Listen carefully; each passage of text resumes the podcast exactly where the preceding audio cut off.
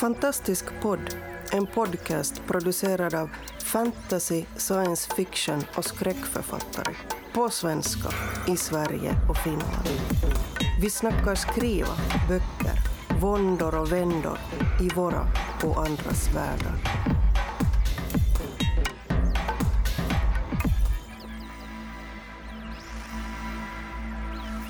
Alea i akta est. Tärningen är kastad. Välkommen till Västkustpoddens rollspelsavsnitt. Kring det runda bordet har vi Eh, eh, ja, hon som inte vet någonting om spel, Susanna Nissinen. Paul. och Susanna den allsmäktiga Björnberg. Jag ger utrymme att klippa bort. I alla Det fall. stannar. Ja, tack för den Fredrik. Jag upptäckte häromdagen att mitt, min bakgrund som eh, textrollspelare, alltså när man spelar rollspel på internet, eh, bara genom text, har förstört mitt skrivande. Och då tänkte jag att jag kan ju inte vara den enda som har påverkats av mitt rollspelsberoende när det kommer till eh, mitt författarskap. Så det tyckte jag att vi skulle tala om. Fredrik, jag tittar på dig. På. Ja, vad ska Du man kommer säga? in i ett rum.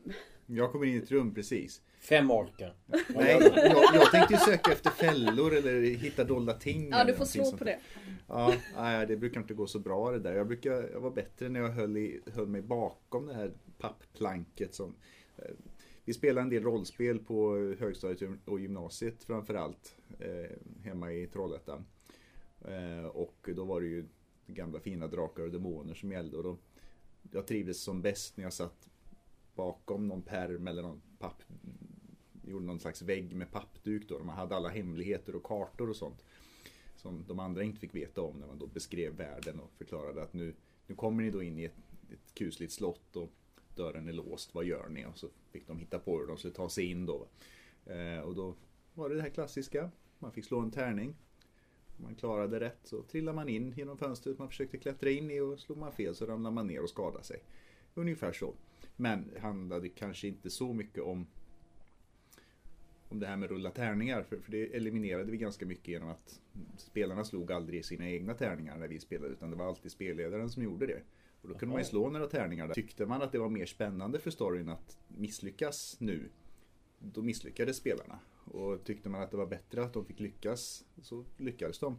Så att för mig blev det ju liksom en väg in i berättandet snarare. Där man liksom skapade de här scenerna med bara vad som händer och varför. Och sen styrde ju spelarna vad karaktärerna sen gjorde då. Så fick man ju liksom hantera det då i någon slags pingismatch. Betyder det här att du fuskade med tärningarna?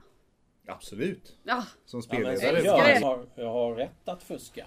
Dessutom gör du det i skymundan. Det Ja. har man ju sin skärm där alltid. Ja. Sen spelarna däremot, de får fan med att hålla sig på mattan. brukade du också fuska med... För att det skulle vara en bra historia. Fan, de, de slapp ju dö ibland till och med. Mm. Så Och ibland fick de dö på spektakulära sätt istället. Ja, ibland får de ju göra det ändå. De får ju, man får ju statuera exempel. Ja. Det här är dödligt. Ja. Jag, jag har fuskat med tärningar också. Jag, jag kan säga det. Nej men när, när det har gått, man har haft ett äventyr och så har allt verkligen gått jättedåligt. Jag, jag är dålig på att slå tärning. Jag, jag är bra på att vara dålig på att slå tärning. och då, då är det till sist så att man slår en tärning, man tar snabbt bort dem och säger jag lyckas. ja, just det. Men var inte det där ett fummelslag? Men alltså du menar att du var spelare och fuskade? Oh ja. Ja, det, det Oh, går ja. inte för sig. Fy fan. Det hade blivit disciplinära åtgärder. Jag bara, Gudar hade kommit ner, skickat sina, eh, sina eh, straffar efter dig och sådana där grejer hade jag fixat. Runt bordet kan vi direkt konstatera att vi har två helt olika karaktärer och spelledare här mellan mig och Paul. Ja. Paul är mer Gamla Testamentets spelledare. Ja, ja, självklart. Jag, jag föredrar den nytestamentliga spelledaren. Jag var nog mer nyckfull snarare. Man kunde nog aldrig riktigt veta. Lite så här asa spelledaren. Ja, jag vet inte. Hednisk gud så Ja. i största allmänhet. Ja, men så här, Som vet, faller de in. ja, ungefär. Har ni använt er av, av rollspelet i, i, när ni skriver? Ja, jag har använt mig en hel del. Eh, framförallt det har gått lite olika. Det här med magi till exempel, det var ganska intressant med rollspel. För att där fick man ju en struktur på det. Det fanns olika besvärjelser, det fanns nivåer och sånt. Och plötsligt förstod man liksom allting mycket bättre. Eh, så det, det har jag ju tänkt till exempel. Men på samma gång så måste man också göra en, en cirkelrörelse där och, och fri, frigöra sig från det här alldeles för mekanistiska som kan, kan träda in där också. Så att säga. Kanske komma Ja, så, så det, det får liksom gå en, en, en, en rund cirkel därifrån att, att omfamna det och att, ta avstånd så att säga. Mm. Så, eh, sen är det ju det här med att när man spelar rollspel så börjar man ofta som ganska dålig eller ja, bristfällig, en liten figur i en stor värld. Och det här får man ju aldrig liksom Det är ju sällan i böcker att de är så De är liksom inte level 1 där utan det är level 10 och sånt där. Liksom de börjar på på en gång ofta känns det som. Ehm, så där var det också så här, ja men hur gör man då? Alltså när, menar man skriver att Ja men om man skulle ha en sån här obetydlig figur och börja skriva om det, då öppnar det liksom en helt annan annan vy för det. De är också ofta mer sådär småskaliga. Det kanske är någon, något troll någonstans som gör något dumt liksom. Och varför skulle inte det kunna vara lika spännande som de här världsomspännande berättelserna? Så, så, så har det påverkat mig. Mm. Till exempel. Fredrik? Ja, men det har väl påverkat på massor av olika sätt. Men framförallt så har man ju mer eller mindre blivit tvungen att skapa en massa olika karaktärer. Både som spelare och som spelledare. Och när man skapar dem som är alla kan ju inte vara den där fryntliga värdshusvärlden när man har bikaraktärer utan de måste ju också ha liksom någon slags sammanhang. Så att Många gånger har man ju fått bygga de här karaktärerna och ju mer energi man la ner på visst sätt eller gjorde vissa saker eller vad det nu var. Va? Desto bättre blir det ju när man spelar sen för då kunde man ju faktiskt säga det att den här karaktären kommer att göra det här. Det har man ju lärt sig en hel del om. Och hur man ska försöka beskriva saker på ett vettigt sätt. Det har man också lärt sig en hel del om. Problemet där har väl snarare varit att när man gör, förbereder saker för rollspel och så, då, då ägnar man ju väldigt på att liksom, överdriva det där. Så får man lära sig hur man ska kapa ner det istället. Det, det är väl min bit. Mm. Jag vänder mig till Susanna som inte har sagt så mycket den här gången. Jag lyssnar helt fascinerad för jag måste säga att jag, det enda anledningen till att jag sitter och The Big Bang Theory där de hade rollspel. Där um, Wolowitz var spelledare och gjorde massa ja, så, och satt bakom en skärm. Så det, det är liksom den enda ingenting att tillägga. Jag lyssnade jättefascinerat. Men jag tror, jag tror ändå att om man nu ska prata om hur rollspelandet har påverkat hur vi skriver så vågar jag ändå påstå att någonstans indirekt så har det nog påverkat dig också. För väldigt många som skriver inom fantastik är ju, eller har varit, eller kanske önskar att de hade varit några som har ägnat sig mycket åt rollspel. Jag skulle nog vilja säga att hade jag haft någon att spela rollspel med så hade jag säkerligen gjort det. Därför att det, det som det verkar vara är ju liksom att man får leva sig in i en, ett spel. Att man får verkligen vara med om ett äventyr. Eller? Det är så ja. jag upplever att det, liksom, alltså det, det, ni beskriver. Det man kan säga för, väl, ganska förenklat är att man bygger en historia tillsammans. Och alla har varsin karaktär förutom spelledaren som styr ja. övergripande. Mm. Jag, jag har en känsla av att vi ser fram emot ett rollspelsäventyr. Jag tänkte ju säga det, kan inte jag spela med en gång? Absolut!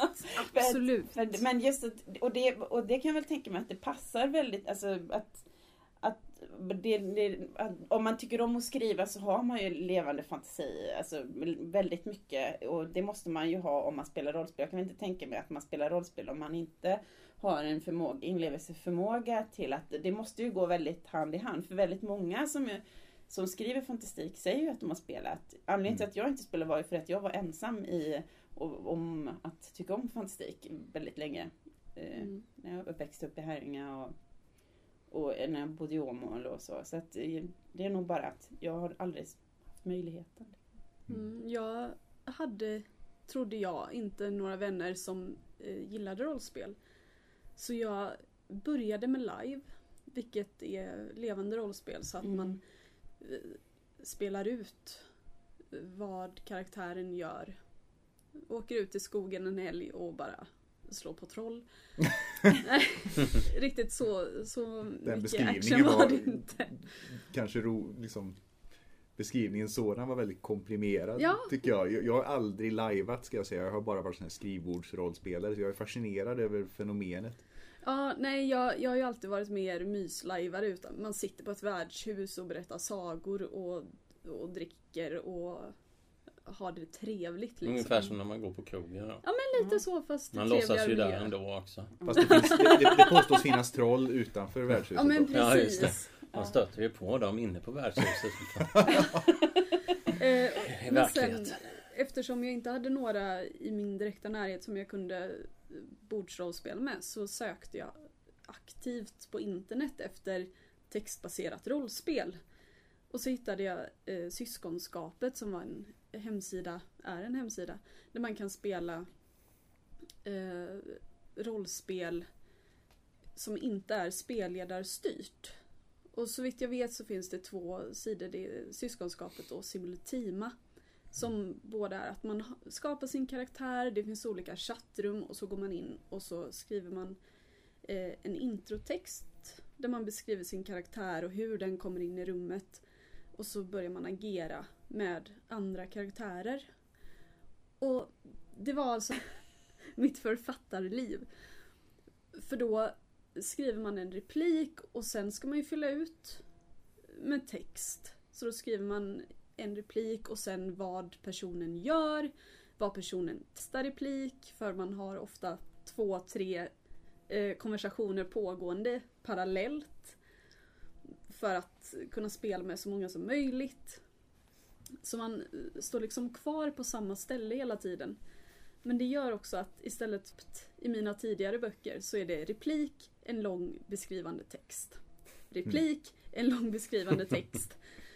Och plötsligt förstod jag när jag tänkte på det varför något lektörsutlåtande för jag förstod inte det innan. Jag tyckte att det var uppenbart. Så här, det är ju så man pratar.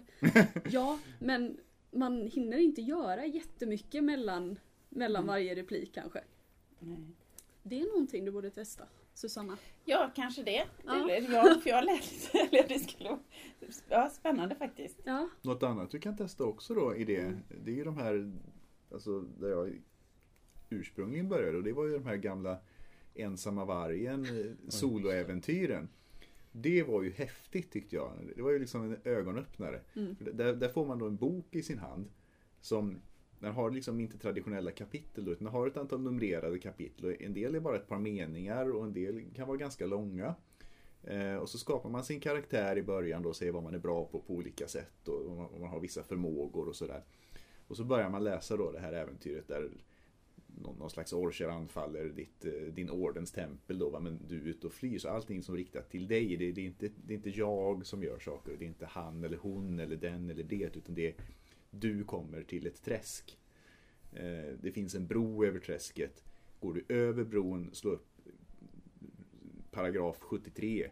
Eh, om du går runt och försöker se om det finns någon annan väg så slår du upp paragraf 117. Och om du har intuition så går du till den här istället. Och sen går man då till lämpligt avsnitt och då ser man då att om du går över bron då kommer det upp händer som sliter ner dig i träsket och du dör eller någonting sånt. Eh, och, och om du går runt då så sp- springer du på orcherna men har du intuition så vet du någonting. Alltså, på det sättet så Det läser man vidare. Det där har nog också varit med i Big Bang Theory. Det går, det, det var precis. Men det är lite nördifieringen Ja. av rollspelarna Ja. du pratar om. För Big Bang Theory är ju en jättekul tv-serie men Ja. det är ju liksom humor med nördar på något Ja, sätt. precis. Och det var väl, igen mig i den. ja men det var väl lite så Ja. när jag körde också en gång att det var lite nördarna som höll på med det och sen så blir det fler och fler som börjar och sen så blir man äldre och så slutar man av olika Mm. skäl. Eh, Men det är klart, det var väl kanske inte det fräckaste man kunde göra och sätta sig och, och, och spela tärning en helg när de andra var ute och körde moped va. Ja, wow. Ja, ungefär. Men eh, den stämpeln kan det ju ha varit. Det finns säkert en och annan som hade älskat det men som avstod av det Mm. skälet. Precis. Absolut. Ja, det låter ju fantastiskt roligt. Och jag känner att jag har ju missat något. Men det verkar ju som att ni båda känner att ni har fått det har berikat deras skrivande och sen som du känner att du har, det har liksom förstört deras Ja. skrivande. Liksom att det är blandade, blandade Jag, jag tror ändå inte att det har förstört ditt skrivande. Nej. Jag tror att det har utvecklat det för att det har satt fingret på någonting i hur du jobbar. Så Absolut. när du vet om Mm. det så kan du jobba Ja, bort det och hitta ett bättre sätt. Men du, det har ju gett dig verktyget att Du vet allt det här om karaktären. Du vet hur den tänker och känner Mm. och så vidare. Men att skriva ut det kanske inte är det bästa receptet. Men vet du om det så kan du med andra mycket finare medel få fram den känslan. Ja. Och det hade du inte haft annars. Nej, och grejen är att så fort man skriver, vare sig det är rollspel eller noveller eller böcker, så utvecklas man ju hela tiden. Och bara det gör det ju värt, värt det. Mm. Man, det är inte fel att syssla med textbaserat rollspel, ska jag ju säga. tycker det låter jätteskoj. Ja, jag blev jättesur. Ja, men, Det är, det är ganska intressant också att läsa de här äventyren som, eller att tänka i. Det är ju en slags, en, en bas, ett basmaterial.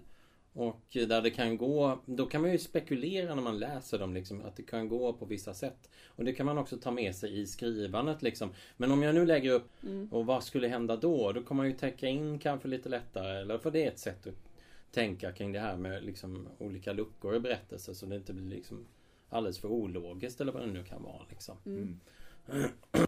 Man känner kanske på sig att nu börjar det bli en nödlösning den här magin faktiskt. För enligt Drakar och Demoner så, så är den här alldeles för svag för att kunna lägga den här besvärjelsen eller någonting sånt. Ja men det var ju väldigt ofta det. Och det är ofta där man just i magi krävs för att göra magi i böckerna på ett sätt som fungerar. För det är ju bara att inse det att har man Stålmannen och så tar man bort det där med kryptonit då det blir fullständigt ointressant för att han är så Mm. övermäktig i allting.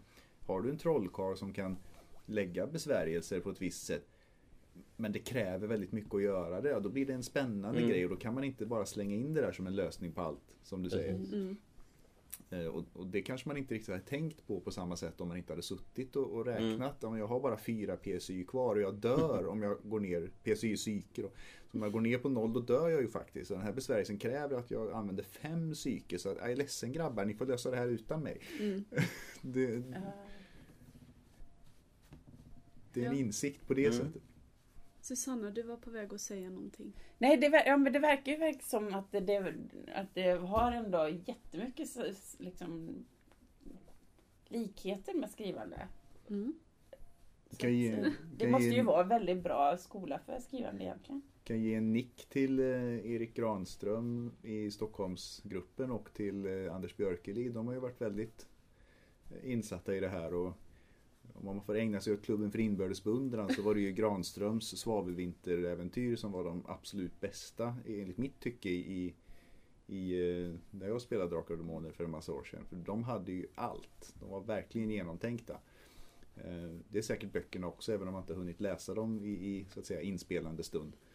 Så att, eh, jag tror man har mycket på det. Karin Tidbeck har väl också plockat upp mycket där och Nene Ormes och, och så vidare. Mm. Så det är- Nina Ormes hade ju, jag har för mig att den världen som hon skriver om i, i sina böcker, det är egentligen ursprunget var i alla fall en, en rollspelsvärld. Mm. Som hon konstruerar. Mm. Sen är den säkert ändrad och allting. ja precis. Mm. ja.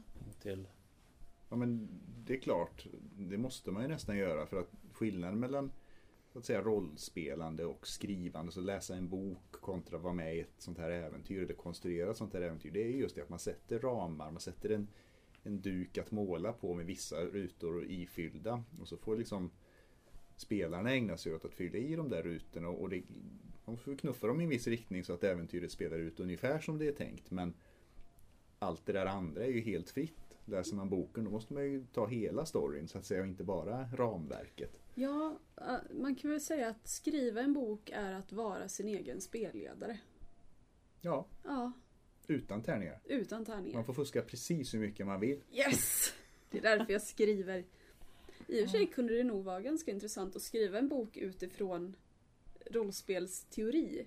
Att om man märker att en karaktär sätts, ställs inför ett val så slår man en tärning och så får man fortsätta boken utifrån det. Då måste man nästan tala om det i början att boken är skriven på det här sättet. Jag tar inte ansvar för konstiga beslut. Nej men ungefär. Karaktärerna kommer att agera helt märkligt för det beror på vad jag slog på tärningen. Därför Ja. finns det en fotnot för varje tärningsslag så ni kan se. Ja. Men då har jag bara en fråga. Så är, det, är det så att alla karaktärerna är liksom alla är hjältar eller alla är bikaraktärer eller hur funkar det liksom? Är det liksom en, för att oftast i, så, i en bok så är det ju någon som är protagonisten, en, en som är hjälten. Men hur funkar det då om det är en berättelse som vi skapar tillsammans och det är många spelare? Är, är alla liksom likvärdiga eller är det någon som är... Jag skulle nog säga att man är sin egen, hur alla är bikaraktärer. Okej. Och så blir det väl lite ringens brödraskap Ja över precis, det höll det jag på att säga. Mm. Ja det var det jag tänkte, det, det är ju ofta så. x antal spelare som har det här uppdraget någonstans. Ja. Eh, och så finns det då. Mörkrets Herre som är då den stora protagonisten som huvudsakligen sköts av spelledaren. Ja, Huvudsakligen i alla fall. Det finns något. jag tänkte mer antagonist. Ja, sa jag protagonist? Ja, Ja, antagonist. Whatever. Det beror på vilken sida man står på. Ja, Som spelledare så är det där också. Så att ibland kan det finnas någon som de andra inte vet om som gör några saker i samma äventyr när de inte spelar själva. Utan man får reda på saker så väver man in det i sin, e- i sin story som spelledare. Sen att ja, ja, Kalle som är allting, han bestämde ju sig för att skicka ett band med orcher efter dem. Ja, då är det ju orcher som anfaller givetvis och inte troll eller vad man nu har bestämt sig för. Mm. Eh, Men lite grann är det ju så. Men ja, det är ju som du säger, alla är väl egentligen sin egen huvudperson. Mm. Mm. Ja, just det, så då blir det lite ringens brödraskap i Ja. princip. Liksom. Och när vi i min spelgrupp, eller mina spelgrupper, har haft eh, äventyrssessioner så kan ett block i äventyret, alltså säg tre, fyra träffar, ha en persons bakgrund som huvudproblem eller att det kretsar runt en person. Men alla har ju fortfarande eh, sin egen del i det. Och det är inte så att bara för att en persons eh, bakgrund eller historia har mer fokus så får de andra spela mindre. Mm. Och man måste inte alltid spela just kring den personen heller. Ja, det är väl mer så att det är en dålig spelledare som gör att det bara blir fokus på en enda och de andra får typ sitta och titta på ungefär. Ja, en Mm. bra spelledare kan ju underhålla alla. Ja, precis. Så det viktigaste Ja. är att ha en bra spelledare då? Ja, Bra spelledare, Ja, bra spelare. En bra stämning skulle jag vilja säga. Ja, Ja, stämningen är jätteviktig. en bra grupp helt enkelt. Mm. Men det blir ju lite som, som ett filmverk i någon mening att men alla är ju bra på olika saker och det liksom kastas in en massa olika talanger. Och om kameramannen, regissören, manuset och skådespelarna samverkar bra så brukar det bli en bra film. Mm. Men om någon av de här liksom inte riktigt hänger med av någon anledning. Det är kanonbra manus men skådespelarna kan inte leverera repliker och, och kameramannen är mer intresserad av taket än skådespelarna. Det blir ju ingen bra film. Jag pratade med en kamrat apropå just det. När han, han sa att när han ser en dålig film och börjar bli så att han tröttnar, då försöker han lista ut i varje scen om det är manuset, skådisarna eller regin det är fel på. Så får man liksom sitta och underhålla sig på det sättet. Mm. Liten inflikning. Ja. Mm. Ja. Ja. Ja, det, var, det lät jätteintressant. Jag blev väldigt ny, nyfiken. Så jag blev gärna prova att spela. Ja men vi, vi löser det. Ja, vi får- Vi Vi, får ta en rollspelssession här vid lämpligt tillfälle men vi hinner tyvärr inte det idag för nu börjar tiden ta slut. Ja, vi samlar ihop tärningspåsarna. Vi plockar bort våra spelmarkörer från brädet. Vi lägger ihop regelboken. Vi slänger rollkaraktärerna som dog under äventyrets Kasta dem på äh, Elden. spelledare. Ja, vi lynchar spelledaren. Vi äter Absolut. upp våra popcorn. Och spelledaren samlar ihop de där kastade karaktärerna i en perm som man fnissande antecknar hur de dog på och sparar i hemlighet. Ja, spelledare. Du har lyssnat på Fantastisk podd. Om du trivdes i vårt fantastiska poddsällskap och vill ha mer så hittar du äldre poddar och information om oss som deltar på vår hemsida under fantastiskpodd.se och på vår Facebook-sida Fantastisk podd.